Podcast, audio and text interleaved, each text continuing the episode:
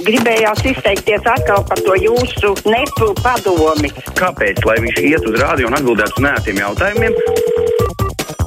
Nu, telefona numurs kā parasti 6722, 888, otrs numurs 672, 559, elektroniski, ja gribat izteikties krustpunktā, Latvijas raidījā LV mājaslapā sūtot savu sakāmo. Halo! Labdien! Labdien! Man gribējās arī viedokli izteikt. Jūs debatējāt arī kādu laiku atpakaļ par sabiedrības uzticību sabiedriskiem mēdījiem. Un, un ka tas tā uzticība ir zema un tā tālāk. Man tā tāda piebilda.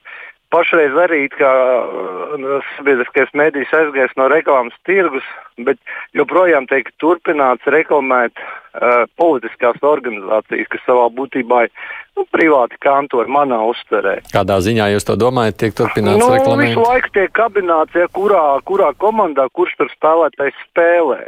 Tā ir tāda slēpta reklāma manā izpratnē, jo pretējā gadījumā, kāpēc man vajadzētu zināt, kurā partijā kurš ministrs ir, man pat uzvārdu negribās zināt. Man neinteresē, kāds uzvārds, kā sauc, kurās mājās viņš dzīvo. Viņš ir sabiedrības saka, ievēlēts darba darītājs, viņam jāpild savu uzdevumu. Un otrs, vēl, kas man ļoti nepatīk, ka sabiedriskā mēdīņa žurnālisti nekādā veidā man uh, neraisa tādu sajūtu, ka viņi ir sabiedrības pusē.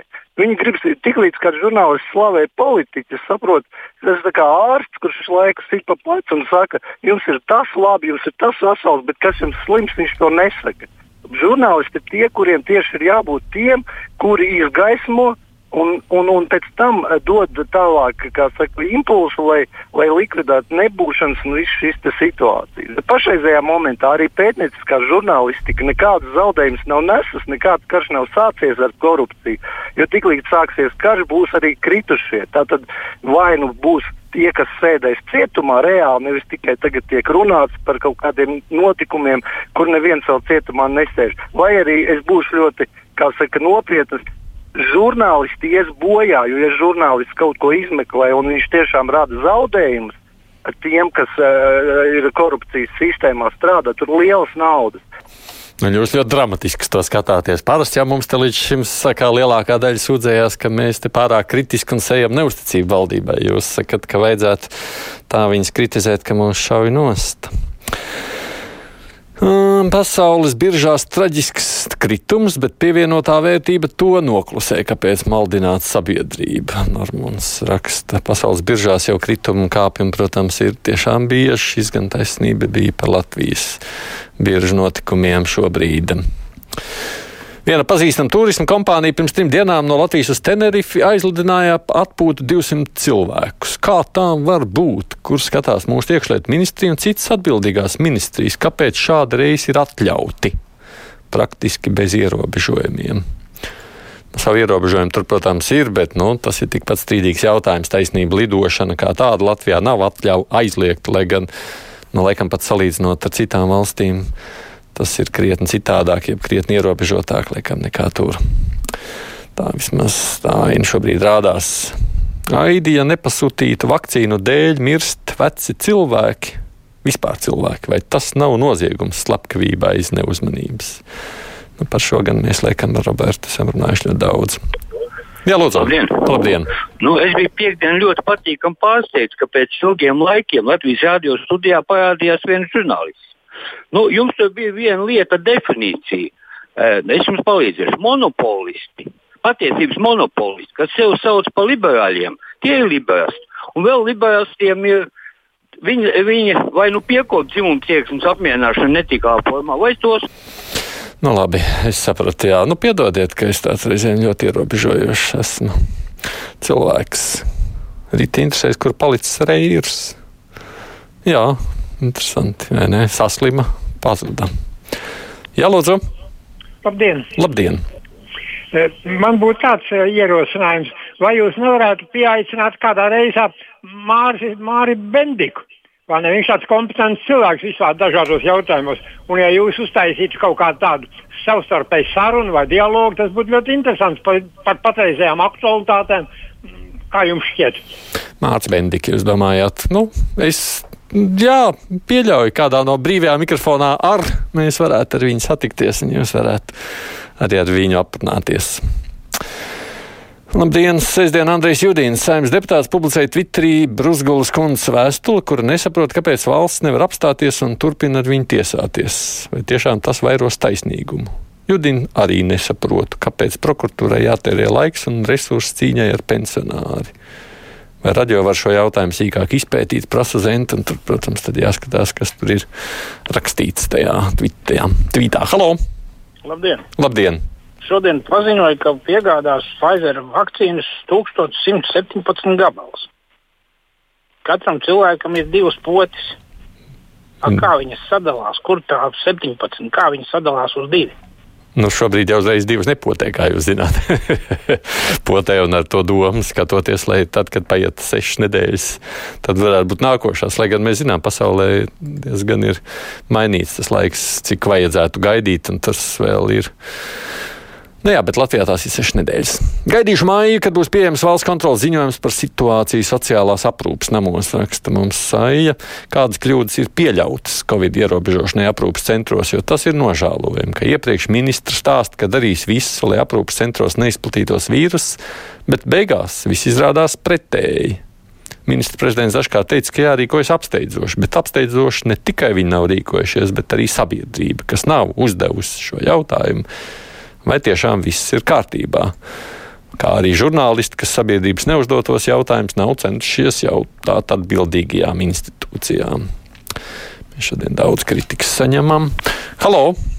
Labdien! Labdien! Šodien drustos Jūra Kravali sveicam 60. dzimšanas dienā. Sveiks, draugi! Vai laba veselība viņam! Hm, redz, kā draugi izmanto iespēju jūs apsveikt dzimšanas dienā? Kāpēc gan ne? Vai Tomsona nezināt, ka Rēram bija operācija? Raksta vairs brīnums, ka žurnālists nesat tik informēts. Vai vairs tiešām laikam nesekoja visām šīm privātām lietām līdzi? Paldies par informāciju. Halo! Labdien! Labdien! Man tāds interesants jautājums.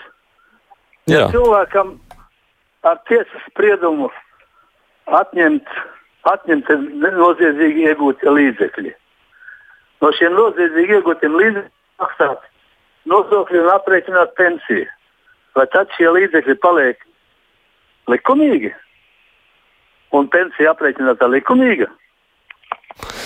Vai es laikam nebūšu tas, kurš šobrīd sākšu skaidrot arī šo nodokļu lietu. Piedodiet, es arī pie reizes ar vienu ausu skatos tālāk, ar vienu aci skatos, kas man tālāk jālasa. Nākušai skaidrītas vēstule atnāca. Man ir šokējošs, neapgāžams secinājums, ka būs jāvakcinējās pret covid mūžu mūžos, kā pret gripu. Jo vienmēr būs kāds, kas atjauno saslimstību un nepotējas. Hm, arī tā uz to lietu varētu apskatīties.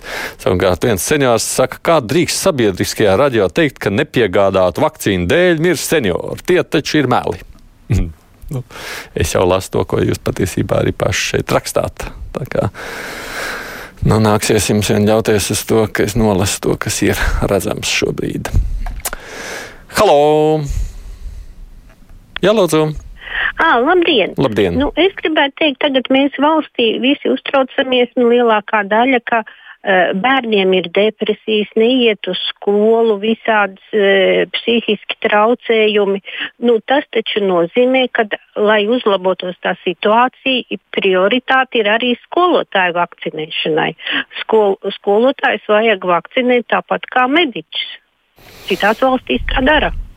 No pirmie jau laikam būs arī. Es jau saprotu, ka skolotāji arī tajā vakcinācijas prioritāšu sarakstā ielikt iekšā. Pirmie gan taisnība tie ir pirmsskolas mediķi, jo tie šobrīd joprojām strādā klātienē. Tāpēc droši vien tā loģika ir vairāk saprotama. Drusku aizstāvējuši sabiedriskos medijus. Arī komercmedijos piesaka, no kādas partijas ir politiķis vai ministrs, un man tas patīk.